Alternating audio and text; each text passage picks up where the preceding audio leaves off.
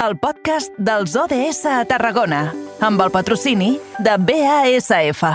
Fins aquí les notícies en xarxa.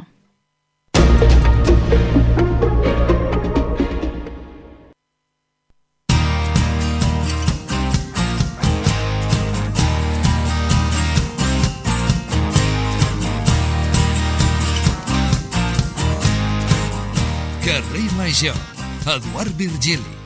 Hola, molt bona tarda. Com estan? Passen 4 minutets del punt de les 6. Això vol dir que ara encarrilem l'última hora, l'últim tram de programa. Ens hi hem posat quan tot just eren les 4 i des d'aleshores que no hem deixat de parlar en cap moment del Camp de Tarragona. Per què? Doncs perquè això és el carrer Major, l'espai que fem possible 8 ràdios del territori i la xarxa de comunicació local. De seguida, com tots vostès esperen, farem parada a Tarragona, Reus, Montblanc, l'Hospitalet de l'Infant, la Selva, el Baixcamp, Torre d'Embarra i Altafulla.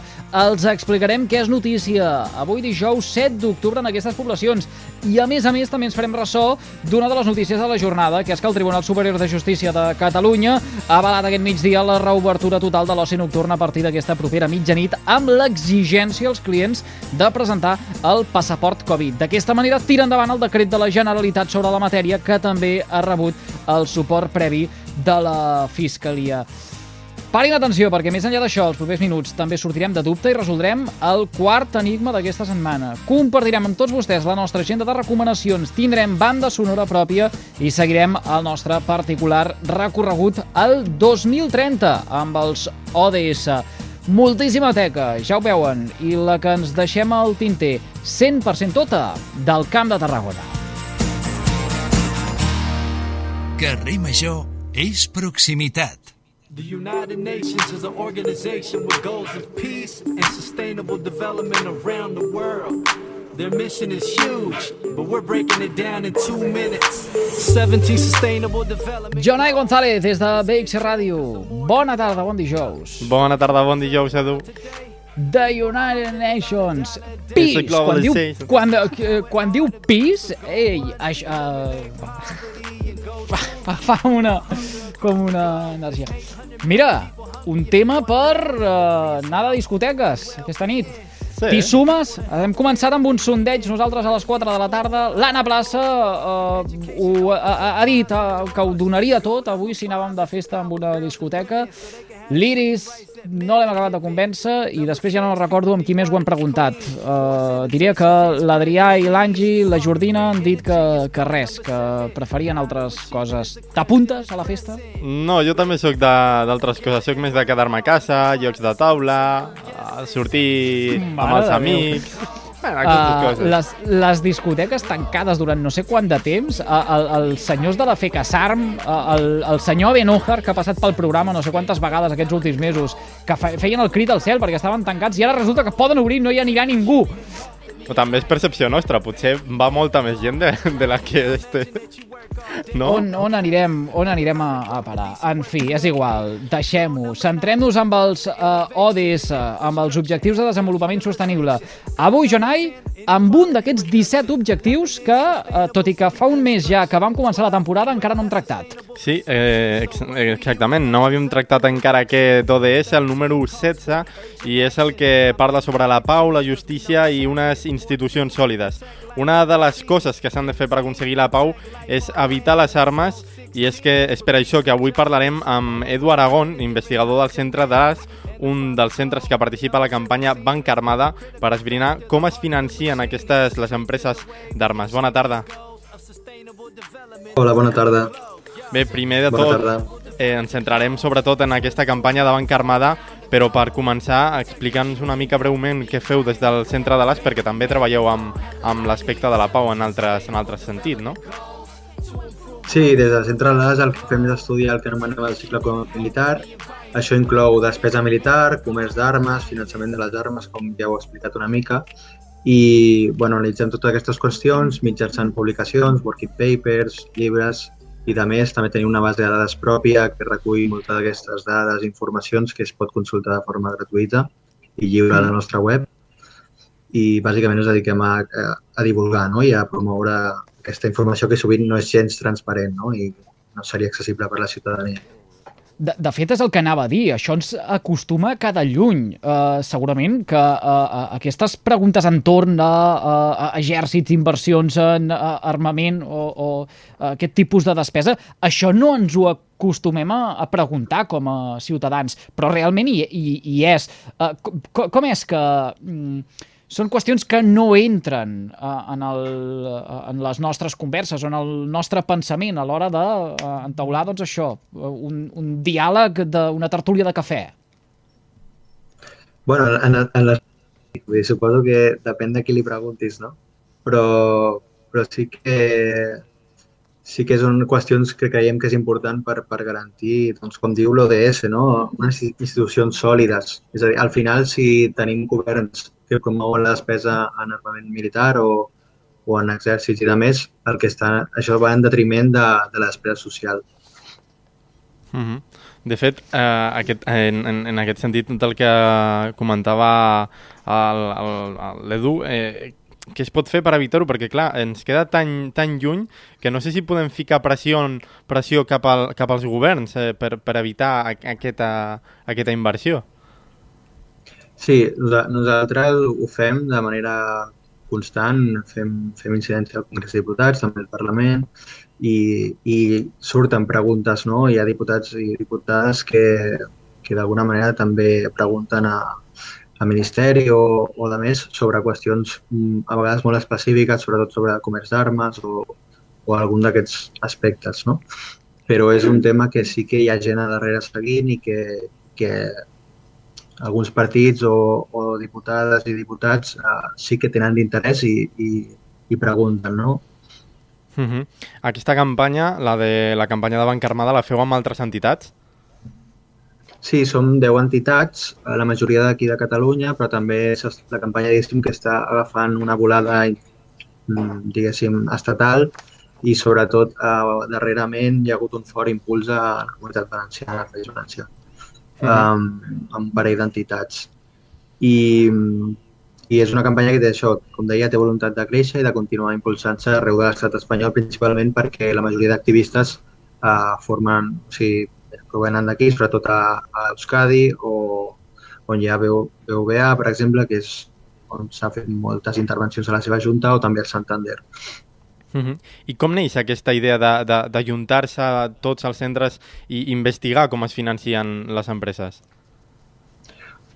Uh, va ser a partir de l'any 2010, em sembla, que l'ODG Justícia i Pau i Centrales van iniciar la campanya.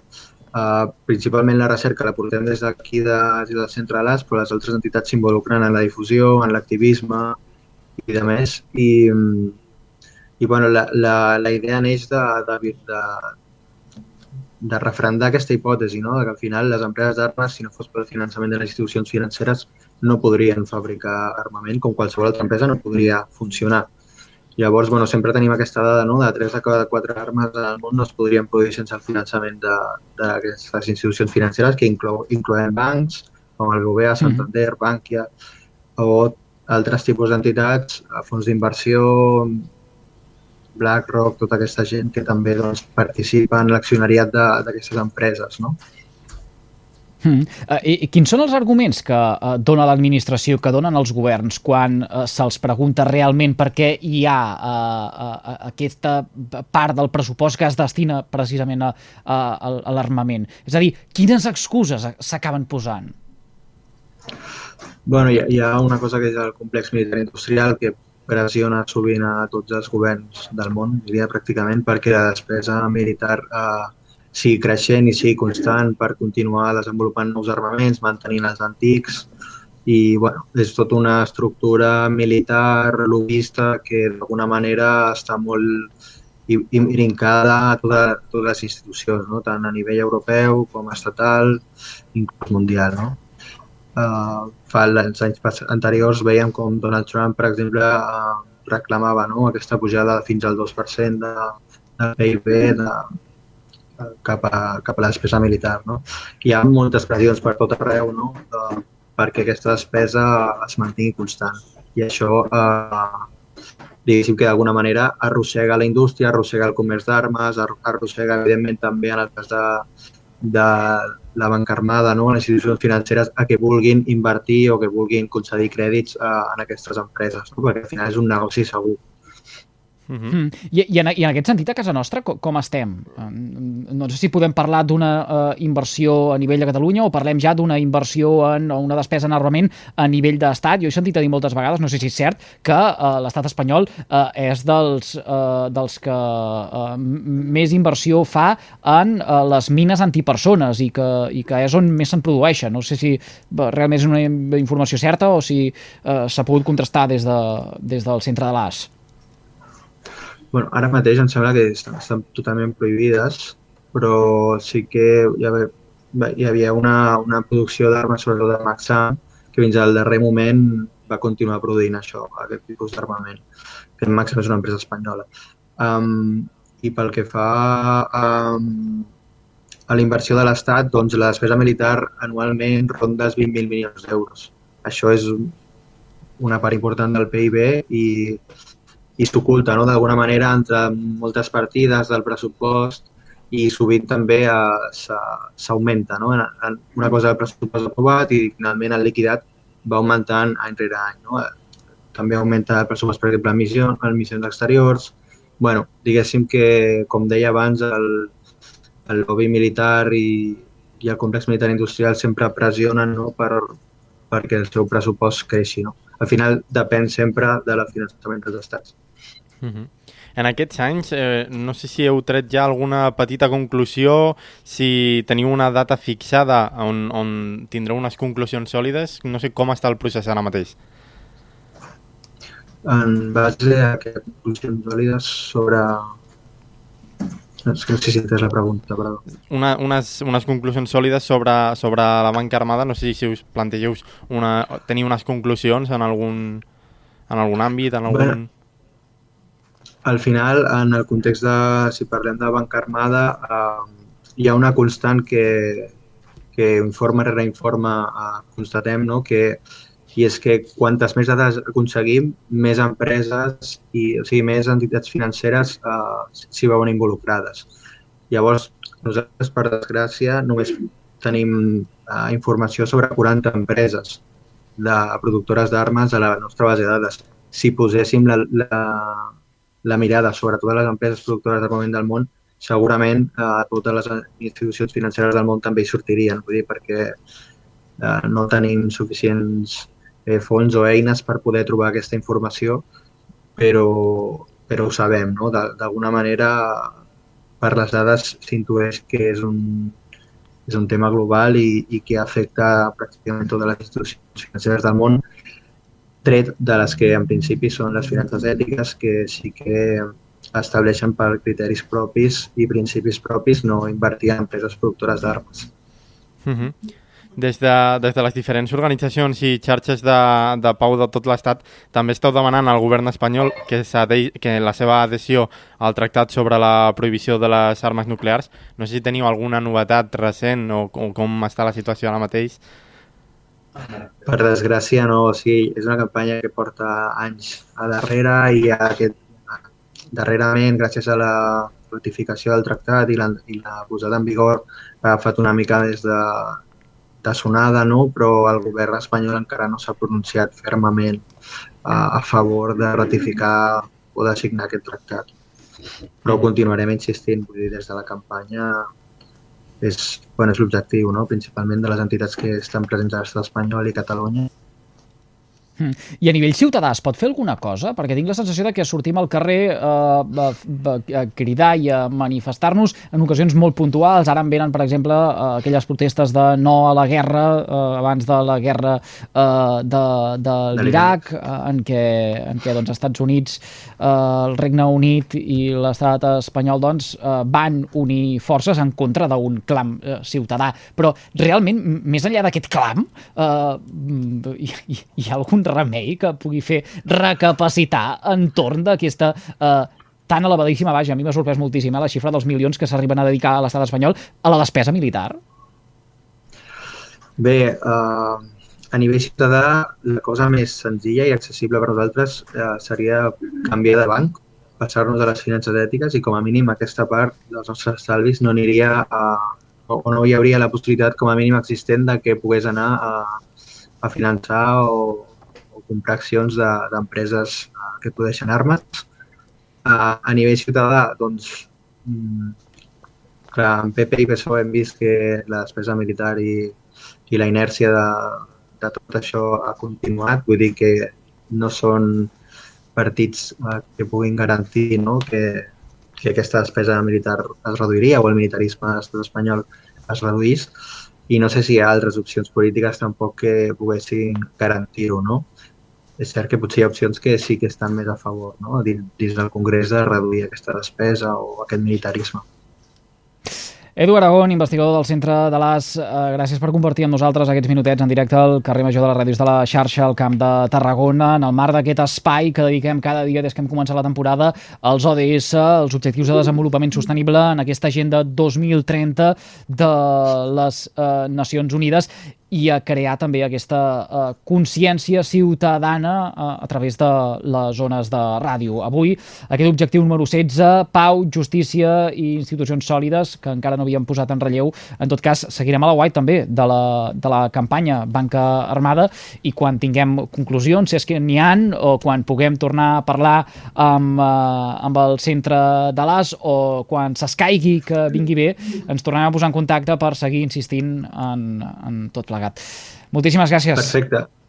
Us, us puc recomanar, si voleu, la darrera publicació, que és l'informe 48 del Centre de l'AS. Allà vinculem eh, les exportacions d'armes i el finançament a, a l'Aràbia Saudita i, al, i, a, i, a, i a Emirats Àrabs Units, que són la coalició que lidera la guerra al Iemen, que fa sis anys. No? I aquí sí que s'extremen algunes conclusions sobre com impacta tot això.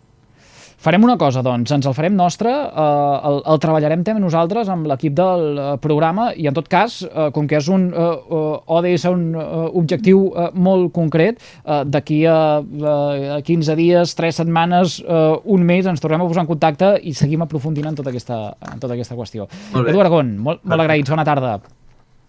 Vosaltres, adeu. Passen 5 minuts del punt d'un quart de 7 de la tarda. Va, Jonai, que és moment de saludar de nou a la nostra companya de ràdio L'Hospitalet de l'Infant, l'Iris Rodríguez. Iris, bona tarda un altre cop.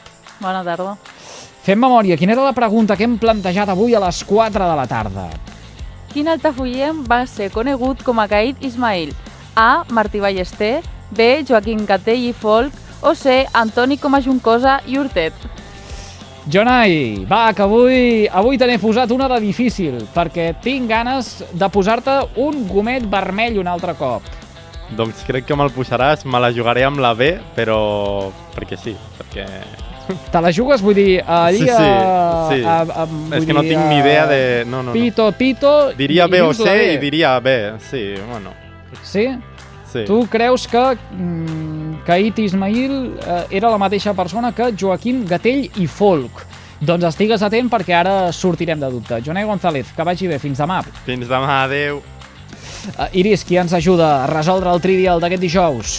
Doncs tenim a Joan Carnisser, membre del Centre d'Estudis d'Altafulla i autor, entre altres llibres d'Altafulla, editat per, editat per Cosetània. Joan, molt bona tarda. Gràcies per acceptar la trucada del programa. Bona tarda, gràcies a vosaltres. Uh, a veure, uh, qui d'Altafollenc va ser conegut com a Caït Ismail? Martí Ballester, Joaquim Gatell i Folk o Antoni com a Juncosa i Hortet? El Jonai deia que eh, la segona opció, la B, Joaquim Gatell i Folk, l'ha encertat o no l'ha encertat? Sí, l'encertada. Joaquim Batell. i L'ha Pou. encertat. L'ha encertat. Perquè, Aquesta era la resposta que buscàvem Juncosa- nosaltres. Com a Juncosa, eh, és un altre altafollenc il·lustre, eh, que és molt poc conegut, que va néixer el mateix any que el Martí Franquès, el 1750, i es va fer frare i se'n va anar cap a Amèrica, Sud-amèrica, i allà va estar amb les tribus dels indis chirihuanos i va arribar a ser la mà dreta del bisbe del, del moment. En tot cas, Antoni Coma Juncosa és una altra figura, és un altre il·lustre altafollenc que, Iris, eh, si et sembla, ja l'introduirem un altre dia en una altra d'aquestes preguntes trampes del trivial de, de carrer Major. Senyor Carnisser, quina relació tenia Joaquim Catell i Folk amb Altafulla, a banda d'haver nascut allí? Eh, eh, la seva família, els, els Gatell, mm, feia molts, molts anys, segles, que ja hi eren a Altafulla. És a dir, era una de les famílies de pes. I, malgrat que viatgés molt perquè va anar a Madrid, va anar a París, a Londres, i, eh, i després cap, a, cap al Marroc, i viatgés, per, i viatgés pel Marroc, quan tornava, tornava a casa dels pares, a Altafulla. I per què va ser conegut amb el nom de Caid Ismail? Van ser els àrabs el que el van anomenar així, oi? Eh, a veure, ell es va fer passar per... Va fer, es va fer passar per militar, aquells s'ho van creure, havia rebut una certa formació i va arribar a ser la, la mà dreta d'un soldat. I aleshores eh, va adoptar aquest nom, així com la vestimenta, per fer-se més proper. Més proper seu- a, la, a la gent d'allà. I als seus 53 anys va morir a Cádiz i va ser una gran pèrdua per la ciència espanyola. Per què?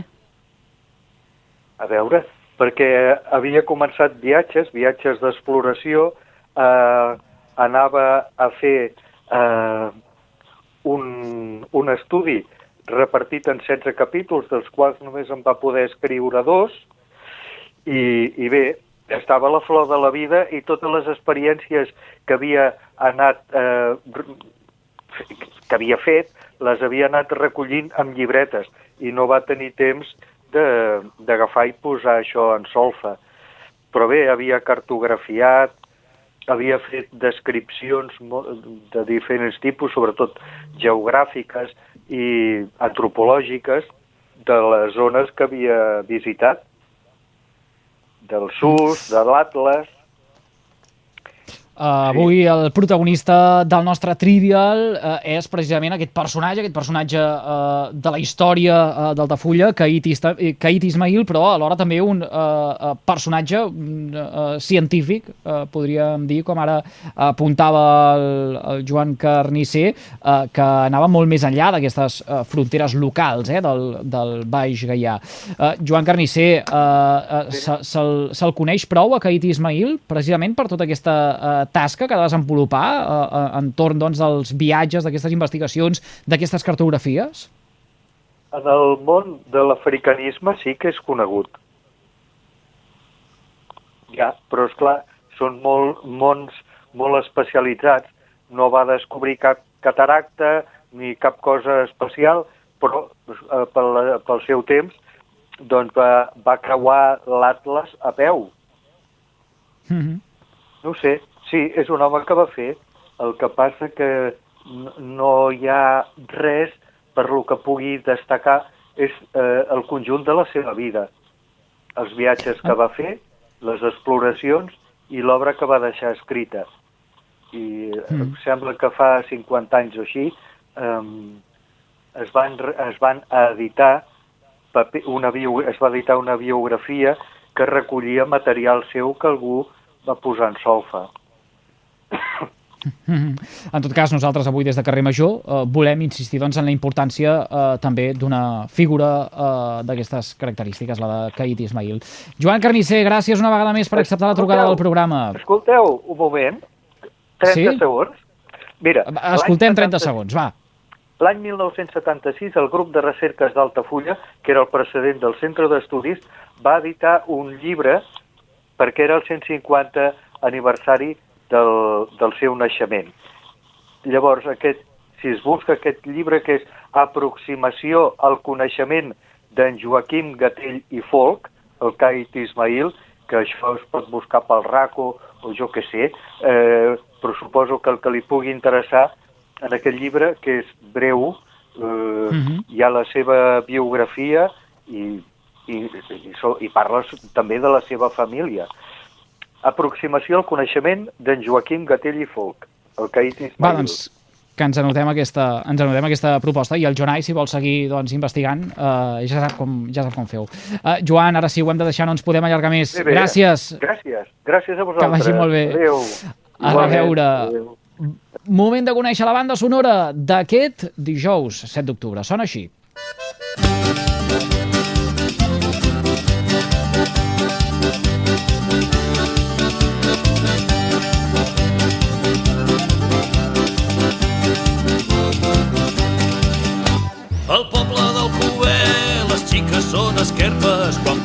Sempre diuen ja pots marxar cabrer.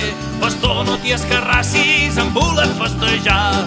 A veure, un, un moment, un moment. O, Òscar, baixa. No, és que abans d'aturar-me a Reus per saludar amb el David i que m'expliqui exactament uh, què, què és això que sona, uh, per què ha escollit aquesta banda sonora, Iris, escolta, no t'havia vist ballar jo encara aquí al, al programa, però ho acabo de, ho acabo de veure. T'ha transportat, t'ha transmès aquesta energia, aquesta vitalitat. Sí. El... Treballar Però- aquesta nit a la discoteca. Però si m'has dit que no, que tu eres més de jocs de taula. Me'l ficaré mentre jugo. A veure, a veure, a veure què, què ha escollit el, el David Fernández. David, bona tarda! Bona tarda i bona hora. Què tal, Eduard? Tu estàs perdent, eh? Vull dir, sé que anem malament de temps, però és que eh, he volgut fer aquest incís perquè realment no m'ho esperava. I a través de les càmeres que, que ens ensenyen tots els estudis, he vist l'Iris ballant. Què vols que Doncs mira, per, perquè no tens la nostra càmera connectada, eh? sinó aquí tant l'Angi com un servidor també estaven movent aquí una mica el cap, Ah, eh? Vull dir que, molt bé. Sí, sí, mira, Que- sembla que, que és- ens hem has posat d'acord. Què has triat avui? A veure. Doncs mira, ens hem anat cap a Valls, cap a l'Alt Camp, per escoltar un treball discogràfic que va sortir res fa poques setmanes, ara al mes de setembre. Es tracta del segon llarga durada d'una formació que es diuen Fenya Rai. En el seu dia van posar algunes de les cançons al seu primer disc, un disc que van editar el 2018. Doncs bé, ara, tres anys més tard, ens presenten el seu segon àlbum que es diu No carrer Major, però sí Plaça Major, eh? Ui! I s'han fet la fotografia de la portada en un lloc amb una placa al darrere que hi posa Plaça Major. Bé, no s'han copiat, però quasi, quasi, quasi. Els Fenya Rai, ells es defineixen com un grup irreverent, canalla i fresc que passen el cançoner popular pel seu propi taller de xapa i pintura, tal com diuen, i aconsegueixen que la gent d'avui escolti cançons que millor poden tenir perfectament 200 anys, eh? En aquest treball el que han fet és rodejar-se d'un feix de col·laboracions, de fet amb aquesta cançó, que és la que obre el disc Plaça Major, una cançó que es diu Pastor Cabré i col·labora en Joan Reig, dels Pets, cantant-hi, però també hi ha moltes altres col·laboracions com ara la de la Clara Colom de Roba Estesa, l'Artur Galla de Quico Celio, el Titot de Brahms o en Jaume Arnella, entre d'altres. Aquesta gent, els Penyarrai, és una formació que va néixer la tardor-hivern del 2014, van debutar el 2015 a Valls per les festes de Sant Joan. Això sí, els seus membres doncs, ja en sonen d'alguna cosa perquè tot, tots ells abans havien estat amb diferents bandes. En Jordi Jovany, que és el veu, guitarra i violí, era el cantant abans a Cafetera Express, el David Tudela, baixista, i el Roger Montal a les percussions tocaven amb My Tips, i el Jaume Martínez, que és l'acordió, abans era guitarra de la Tarambanda.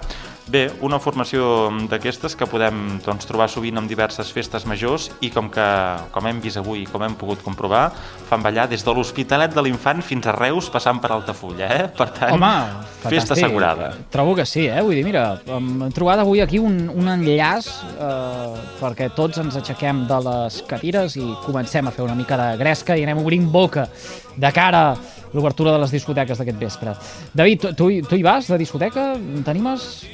Ai, doncs no, eh? Avui no, no, no, no, no hi aniré pas de discoteca. Miraré a veure si Vaja. fan algun concert en alguna sala de concerts i potser ens animem, però de discoteca no, no, ja et dic que no. Anava a dir, encara, anirà a un, anirà a un concert. Dic, mira, ja tenim un altre ensupit eh, al programa, avui que hi ha tanta gent que dic que no, que es quedarà, que es quedarà a casa. Uh, David Fernández, ho hem de deixar aquí. Gràcies un dia més per la banda sonora. Fins demà. Demà més, adeu-siau. Va, eh, sobre els eh, tres xicots eh, que escoltem ara de fons, repassarem l'agenda. Iris, comencem per Tarragona, a les 7 de la tarda, quan nosaltres acabem, a l'Espai Nautilus. Tenim tas de cerveses alemanyes amb Albert Montfort i el preu és de 22 euros. Una hora més tard, a partir de les 8 del vespre, a la plaça dels Carros. Tenim Enigma Nocturn per als joves. Els equips s'enfrontaran a una llarga travessa per tal de ser els més, ex- més exitosos i arribar sants i estalvis al seu nou destí. Cal inscripció prèvia a Tarragona Jove.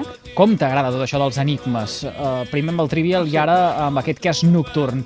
I acabem a Cambrils, uh, ni a les 7 ni a les 8, a dos quarts de 8, a la sala d'actes del Centre Cultural. Tenim l'acte d'inici oficial del curs 2021-2022 del campus extens de la URB a Cambrils. Tot seguit tenim la conferència a la Segona República al Camp de Tarragona i va a càrrec de Montserrat Duplana, catedràtica en Història Contemporània a la URB i cal inscripció prèvia. Fantàstic. Tres recomanacions que els fem nosaltres des del carrer Major perquè sàpiguen eh, com acabar d'omplir l'agenda, tan bon punt nosaltres marxem. Iris, eh, ho hem de deixar aquí, que acabis de passar un bon dijous. Fins demà. Igualment, fins demà. I arriben ara l'Anna Plaça i l'Eric Rosique amb una nova edició de l'informatiu de Carrer Major. No canviïn de dial. Un servidor s'acomiada de tots vostès i els espera demà a les 4 de la tarda a la seva ràdio de proximitat. A reveure. Estàs escoltant Carrer Major.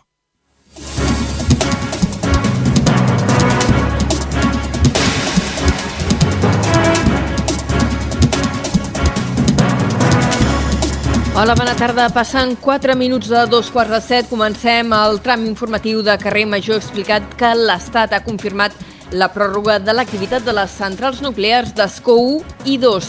Eric Rosique, bona tarda. Bona tarda, Anna. I és que el butlletí oficial de l'Estat ha publicat avui que les dues plantes de la, Riberta, de la Ribera d'Ebre podran seguir operatives durant uns 10 anys més fins al 2030 i el 2031, respectivament. L'Agència Catalana de l'Aigua invertirà fins a 28 milions d'euros durant els pròxims anys per fomentar la reutilització d'aigua a Reus i augmentar el cabal ecològic del riu Siurana. Concretament es contempla la construcció de les dues basses per emmagatzemar aigua regenerada i poder-la utilitzar per al rec. Els locals d'oci nocturn podran reobrir demà divendres a la nit, tal com havia anunciat el govern català després de rebre l'aval del Tribunal Superior de Justícia de Catalunya. Establiments de referència al territori com la Sala Zero ja ha anunciat que ja funcionaran aquest cap de setmana. També reprèn l'activitat a la Conca Barberà, on feia un any i mig que no hi havia oferta d'oci nocturn. El comitè d'empresa del 112 i el Departament d'Interior s'han reunit avui per primera vegada per intentar resoldre el conflicte laboral que ha provocat la vaga indefinida dels treballadors del telèfon d'emergències. Els sindicats celebren aquesta primera trobada, però adverteixen que encara s'està molt lluny de trobar una solució perquè el govern no es planteja internalitzar el servei de manera immediata. Els fets delictius a Reus s'han reduït gairebé un 8% respecte al 2019, les dades que s'han presentat avui a la Junta Local de Seguretat. A la reunió també s'ha anunciat l'encàrrec de la redacció d'un pla local de seguretat que aglutinarà totes les actuacions que s'han fet s'han d'emprendre en aquest àmbit. I ara el temps. Connectem amb el Servei Meteorològic de Catalunya. Jordi Mateo, bona tarda. Hola, bona tarda. Continuarem avui la jornada amb un cel serè o poc ennuvolat en conjunt. Això sí, a la tarda podran créixer alguns núvols d'evolució diurna al sector central del prelitoral. També al final del dia podran aparèixer alguns eh, intervals de núvols baixos al litoral central. De cara a la jornada de demà divendres hem d'esperar que els núvols guanyin terreny sobretot a la meitat sud del litoral i prelitoral. Aquí fins i tot eh, seran abundants fins les primeres hores de la tarda, estones deixant el cel molt ennuvolat i amb la possibilitat d'algun plogim feble. A la resta de Catalunya, en general, predomini del sol al centre del dia, però amb intervals de núvols baixos eh, durant les primeres hores de la jornada i també al final. Pel que fa a la temperatura, en general, demà ens espera un ambient matinal amb valors de temperatura més alts que el, durant el dijous, mentre que al centre del dia la temperatura serà similar o una mica més baixa. I això és tot de moment des del Servei Meteorològic de Catalunya. Moltes gràcies, Jordi. En esports, el Club Marítim Altafulla organitza la regata internacional Adipap Cup aquest cap de setmana, del dia 9 al 12 d'octubre. I en cultura us explicarem que els 50 anys del discurs de Pau Casals a l'ONU es commemoraran amb un concert de l'orquestra tarragonina Franz Schubert Filharmonia i l'Orfeó Català al Palau de la Música.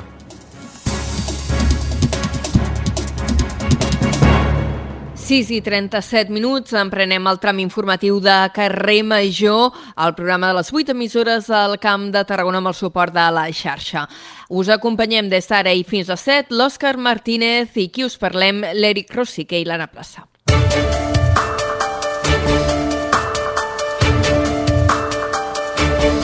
I comencem parlant de producció d'energia. L'Estat ha confirmat la pròrroga de l'activitat de les centrals nuclears d'Escó 1 i 2. El butlletí oficial de l'Estat ha publicat avui que les dues plantes de la Ribera d'Ebre podran seguir operatives durant uns 10 anys més, fins al 2030 i el 2031, respectivament.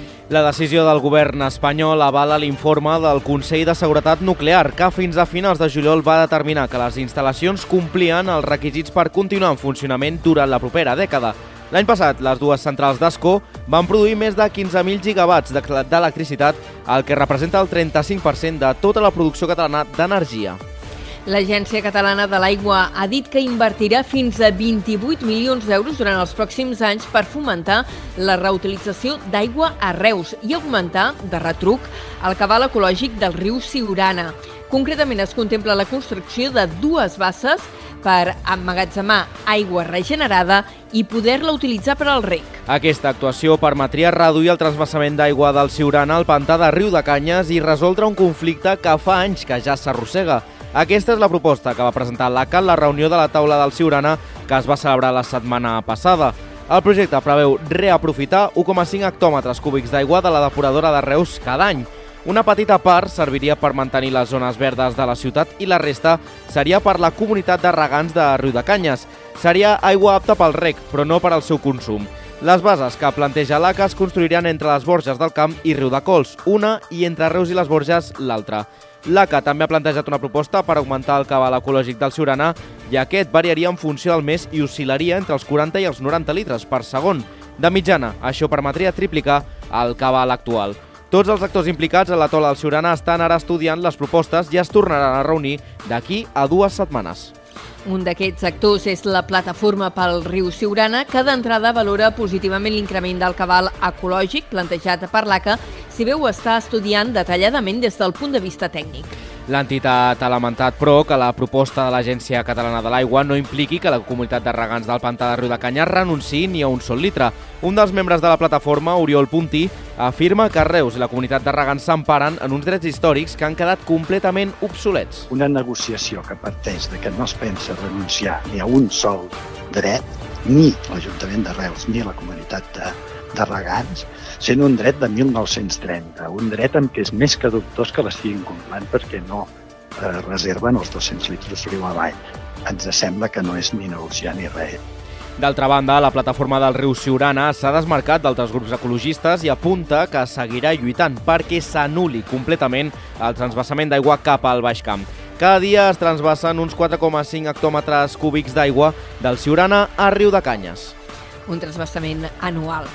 Els locals d'oci nocturn podran reobrir demà divendres a la nit, tal com havia anunciat el govern català. El Tribunal Superior de Justícia de Catalunya ha avalat la proposta que inclou l'obligació de disposar del passaport Covid per poder entrar als locals. En la seva resolució dictada aquest mateix migdia, els magistrats exposen que veuen idònia, necessària i proporcional la mesura per deixar respirar aquest sector econòmic. A més, consideren que l'exigència del passaport Covid no vulnera els drets dels clients. Així, els bars musicals i les discoteques podran reobrir demà a la nit amb un aforament màxim del 70% i amb els mateixos horaris abans de la pandèmia. S'hi podrà ballar, però no es podrà veure la pista i s'haurà de portar la mascareta. Feia dues setmanes, de fet, que els locals d'oci nocturn ja podien tenir obert, però només a fora les terrasses. Això deixava fora tots els negocis que no disposaven eh, que només disposen d'espai interior. És el cas, per exemple, de la Sala Zero de Tarragona, que avui ha confirmat que aquest cap de setmana ja estarà operativa. Com expliques en un comunicat, la Sala Zero ha explicat que obrirà aquest divendres i dissabte i també ho farà el cap de setmana vinent. Després, però, haurà de tancar de nou durant un mes per unes hores de manteniment que s'estan fent a la façana de l'edifici i la previsió és recuperar l'activitat total el 19 de novembre. En el comunicat, la Zero també ha anunciat la seva programació els propers dies i destaca el concert de Belaco, que es farà divendres vinent 15 d'octubre amb un aforament de gairebé 300 persones. I on també reprendrà l'activitat és a Montblanc. Feia un any i mig que a la Conca de Barberà no hi havia oferta d'oci nocturn. La discoteca Queda Que obrirà aquest dissabte amb el 70% d'aforament. Des de Ràdio Montblanc ens ho explica la Jordina Moix. La reobertura de l'oci nocturn ja és una realitat. A Montblanc, la discoteca Que de Que obrirà portes la nit del dissabte entre les 12 de la nit i les 6 de la matinada. Tindrà un aforament limitat del 70%, caldrà mascareta en tot moment i serà necessari presentar el certificat Covid per poder entrar. Al Que de Que l'aforament permetrà l'entrada de fins a 500 persones. Escoltem el seu propietari, Xavi Sant Nicolàs. La gent em pregunta, però si no tinc la vacuna, com ho puc fer? Bueno, diu que el mateix, el mateix APP de la Salut sigui per PCR, sigui per test antigen, sigui per lo que sigui, dona el certificat Covid automàticament. O sigui no hi ha cap problema. Per Sant Joan van poder obrir, però un brot de Covid els va obligar a tancar pocs dies després i ja no han tornat a obrir fins ara. No caldrà comprar l'entrada abans, es farà el mateix dia a taquilla fins a omplir l'aforament.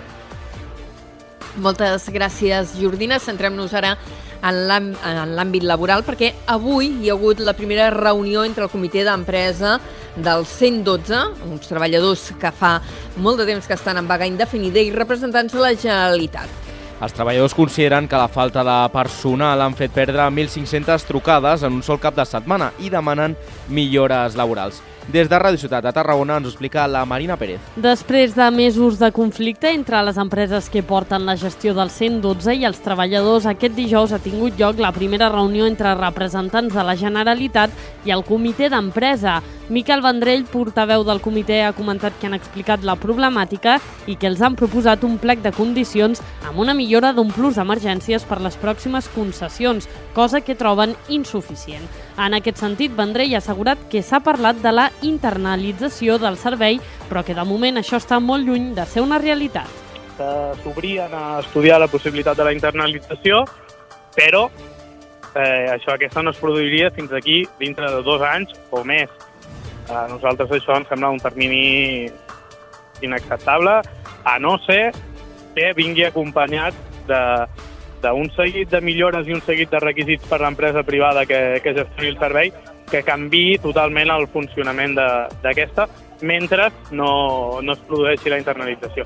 D'aquesta reunió han acordat seguir fent trobades més extenses i parlar de la problemàtica. Per això han celebrat la voluntat de tenir converses, tot i que no es mostren del tot esperançats. En una situació semblant es troben els treballadors del 061, el telèfon d'emergències mèdiques, que també han anunciat una vaga indefinida, que en aquest cas començarà el 19 d'octubre. Com en el cas del 112, demanen la internalització del servei, que ara també està en mans de l'empresa Ferrovial. D'altra banda, avui continua la vaga de maquinistes de Renfe. En la cinquena jornada de protesta s'han reduït, sembla ser, les incidències. Segons les darreres dates, dades facilitades per la companyia, fins a les 4 de la tarda s'havien operat un 71% dels serveis i només s'havien cancel·lat 49 trens. Recordem que demà també hi haurà vaga durant tot el dia i també dilluns i dimarts, coincidint amb el pont del Pilar. Canviem de tema. Els fets delictius a Reus s'han reduït gairebé un 8% respecte al 2019. Les dades que s'han presentat avui a Junta Local de Seguretat corresponen als períodes de gener a agost de 2019 i 2021 i, per tant, estan marcades per la pandèmia. Destaca una reducció del 13% en els delictes contra el patrimoni, que continuen sent els més freqüents, i d'un 6,5% dels actes incívics. En canvi, els delictes contra la seguretat viària han pujat un 65%. L'Ajuntament de Reus ho atribueix a una major pressió policial. A la Junta Local de Seguretat també s'ha anunciat l'encàrrec de la redacció d'un pla local de seguretat que permetrà recollir totes les actuacions en aquest àmbit.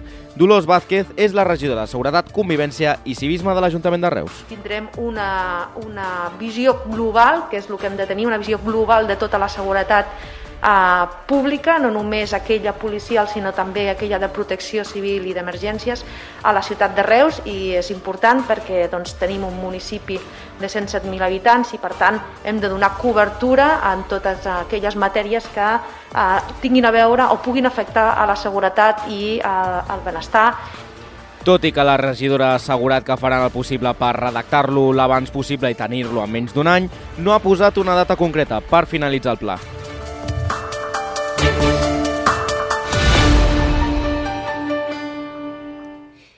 Passa un minut de tres quarts de set i obrim el segon bloc de l'informatiu parlant de recerca. David Macmillan, que és membre del Comitè Científic Assessor de l'Institut Català d'Investigació Química, que té la seu a Tarragona, és una de les persones que ha rebut el Premi Nobel de Química enguany.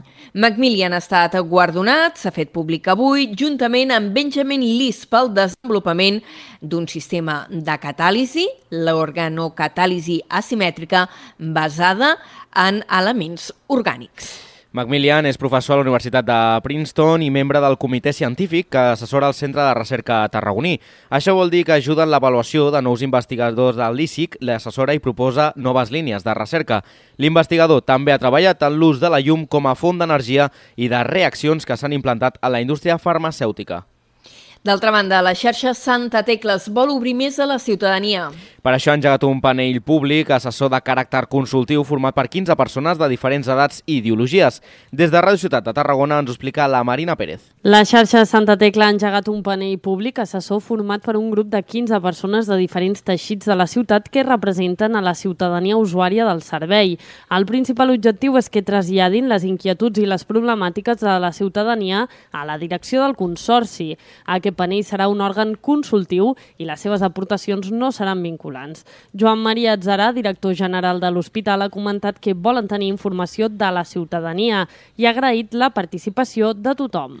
Doncs ara hi ha que sumar-hi amb això aquest, uh, aquest intent de saber i conèixer perdonareu que, que el, el màxim interès nostre és que parleu vosaltres, que ens expliqueu coses, que expliqueu com ho veieu per poder millorar. I aquesta és la, la raó més important d'aquests aquests òrgans de participació. Aquest dimecres s'ha fet la reunió zero del panell informatiu que anirà fent trobades periòdicament amb la direcció. Cal destacar que el panell està integrat per homes i dones de totes les edats i ideologies. Més eh, temes relacionats amb salut i societat, Tarragona i Reus acullen des d'avui i durant tot el cap de setmana el Festival Sicur. Gairebé 30 curs ens parlaran sobre la salut mental a l'antiga audiència de Tarragona i al Teatre Bartrina de Reus. Des de Reus Ciutat de Tarragona ens ho explica l'Àlvaro Rodríguez. Aquest dijous 7 d'octubre arrenca la sisena edició del Festival de curtmetratge sobre salut mental al Sicurt, el Col·legi Oficial de Psicologia de Catalunya, amb els ajuntaments de Tarragona i Reus organitzant el certamen fins al 10 d'octubre, Dia de la Salut Mental Cultural. El Sicurt oferirà aquesta edició 29 curs entre més de 300 inscrits. El Teatre Bartrina de Reus serà l'encarregat de la inauguració aquest dijous a les 6 i mitja, mentre que l'antiga audiència de Tarragona acollirà la Cluenda. Jaume Descàrrega, membre de la Junta de Govern del Col·legi Oficial de Psicòlegs de Catalunya, explica com l'any passat van afegir l'espai de Reus per motius sanitaris, però la fórmula ha vingut per quedar-se aquesta fórmula continuarà i esperem que, igual que l'any passat, que va ser, com dèiem, no, de manera sorpresiva, eh, una organització així a correcuita, aquest any eh, el resultat sigui tan bo perquè bueno, l'assistència tant al Teatre Bartina com aquí a l'antiga audiència de Tarragona va ser espectacular. Tots dos espais tenen un aforament del 70% i caldrà fer inscripció prèvia per assistir. La programació, les reserves i la resta d'informació es pot trobar a la pàgina web sicurt.com local al ple de l'Ajuntament de la Selva del Camp ha aprovat la primera operació per finançar l'ampliació de la residència al Vilar i també les ordenances fiscals de l'any que ve. La sessió plenària va acordar demanar un crèdit d'un milió d'euros per començar les obres de la residència de gent gran i va ratificar les al·legacions contra la línia de molt alta tensió d'Aragó a Barcelona. Ens ho explica l'Antonio Mellado des de Ràdio La Selva. El projecte d'ampliació de la residència al Vilar va sumar nous passos de cara a poder començar a fer-se realitat durant l'any 2022. El ple de l'Ajuntament de la Selva ha donat llum verda a la tramitació de la primera operació de crèdit per tal de finançar les obres, consistent en un préstec de llarga durada per import d'un milió d'euros, amb el qual es podrà fer front a l'arrencada de les obres i a una part important del pressupost inicial del projecte. L'autorització per tal de tirar endavant l'operació de crèdit va aprovar-se amb els vots del PSC i Esquerra i l'oposició de Junts i la CUP, que van demanar estudiar altres models de gestió assistencial abans d'augmentar les places de la residència salvatana. A banda d'aquest punt, la sessió també va aprovar les ordenances fiscals de cara a 2022, algunes de les quals no es modifiquen i altres s'incrementen segons l'índex de l'IPC dels dos darrers exercicis, fixat en l'1,9%. Un altre punt rellevant del ple va ser la ratificació per unanimitat de les al·legacions que l'Ajuntament ha presentat contra la línia de molt alta tensió, la MAT, que l'empresa Forestalia vol construir entre l'Aragó i el Baix Llobregat, creuant les comarques tarragonines i part del terme salvatà. Moltes gràcies, Antoni. I del Baix Camp al Baix Gaià, les unitats del casal La Violeta d'Altafulla són a punt de passar la història. Es tracta d'una de les problemàtiques més importants del procés de remodelació de l'equipament que inclou la instal·lació de butaques mòbils i cada cop és més a punt de reobrir. Des d'Altafulla Ràdio ens ho explica la Carol Cubota. Els treballs per arranjar les humitats de la Violeta continuen aquests dies amb l'adequació de l'exterior. Unes obres que es duen a terme en un dels laterals de l'espai, on van a parar aigües pluvials provinents dels jardins d'alguns habitatges del carrer Jacent. La qual alcaldessa d'Altafulla, Alba Muntades, ha explicat que amb la nova canalització es posa fi a l'origen del problema una canalització per recollir les aigües del jardí posterior de les cases del, del carrer Martí d'Ardenya que donen a la façana de, de la façana nord de la Violeta i que estan provocant aquestes humitats, doncs una canalització per recollir totes aquestes aigües i drenar-les fora de, de la paret perquè no, no piquin contra la paret de la Violeta. L'espai que quedava entre el jardí i la Violeta era un, un fossat que estava ple de, de sorra i de vegetació, que de tota manera s'acumulava l'aigua, s'acumulava la humitat. Un cop acabades aquestes obres, serà el torn de la instal·lació de les butaques, un dels pals de paller de la reforma. Han de permetre dotar de més polivalència la sala, ja que seran mòbils, i es podran retirar depenent del tipus d'activitat que es desenvolupi. I abans de passar als esports, us apuntem que les Rosalies de Torredembarra reivindiquen el nom de la patrona en la seva trobada anual que s'ha fet aquest dimecres. Unes 25 dones d'edats compreses entre els 13 i els 86 anys es van trobar a l'església de Sant Pere Apòstol per commemorar el dia de naixement de la Santa. I en esports us expliquem que el Club Marítim Altafulla organitza la regata internacional Adipap Cup aquest cap de setmana, entre el 9 i el 12 d'octubre. Els interessats en participar hi han d'accedir al web de l'entitat i fer la inscripció amb un cost de 45 euros. Des d'Altafulla Ràdio ens ho explica Marc Pérez. La DIPAP Cup, una de les competicions internacionals més importants per a la classe de patí de vela, arriba aquest dissabte a Altafulla. El Club Marítim organitza la competició, que s'allargarà fins al dimarts 12 d'octubre amb una setantena de regatistes d'arreu del món, especialment d'Europa. Això ha explicat el director tècnic del club, Marc Collado. I és una d'aquestes regates que, que tots els regatistes no, es marquen el calendari de dir, mira, doncs tal dia hem d'estar a Altafulla per fer aquesta regata. Estem molt contents per fer-la perquè al final és una regata que, com dic, els regatistes esperen ja des de fa temps. És una regata internacional de nivell zero, és a dir, que pot vindre gent de, de tot arreu. Hi ha patinaires a Alemanya, hi ha, patina, hi ha patinaires a Bèlgica i al final també esperem aquesta gent a veure si, si es pot desplaçar i vindre cap aquí. La competició és oberta al públic, que podrà presenciar-la des de la platja d'Altafulla. Els regatistes sortiran a l'aigua a les 12 del migdia per iniciar la prova a la 1. Des de l'organització esperen que la climatologia acompanyi. Si algun dels quatre dies es fa difícil navegar, sobretot per manca de vent, la regata es podrà recuperar l'endemà. I si us agrada la muntanya, us hem d'explicar que una conferència del alpinista Edu Marín sobre el sostre més gran del món encetarà demà divendres el cicle de muntanya a l'Auditori de la Diputació de Tarragona. Fins al 5 de novembre s'hi celebraran quatre seccions més, totes en divendres amb xerrades, documentals i cinema. Com en anteriors edicions del cicle, l'entrada és gratuïta amb invitació il·limitada a l'aforament de la sala.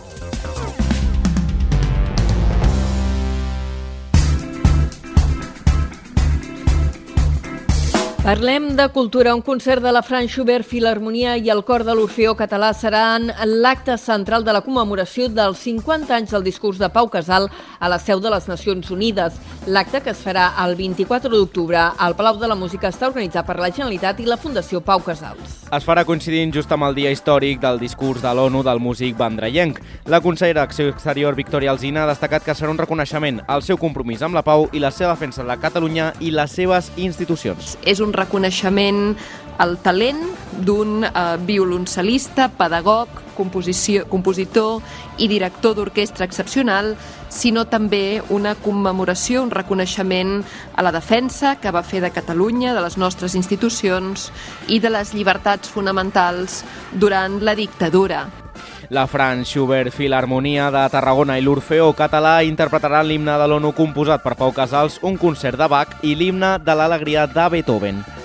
I acabarem explicant que els museus i centres culturals del territori s'impliquen aquests dies en les jornades europees de patrimoni a Tarragona. Per exemple, els cinc museus de la ciutat proposen un, un joc de pistes titulat La desaparició d'Irina Musayeva. També us expliquem que en aquest cas es tracta d'una noia, de noia girasol, una obra realitzada amb tinta xinesa a colors, una tècnica molt particular de l'autor que ha estat cedida temporalment per la família de l'artista. Aquesta peça es podrà contemplar a la sala del carrer Santa Anna fins a finals d'any. Això és una obra de uh, Palau Ferrer que es pot veure al Museu d'Art Modern de Tarragona. Tanquem així l'informatiu de Adéu-siau.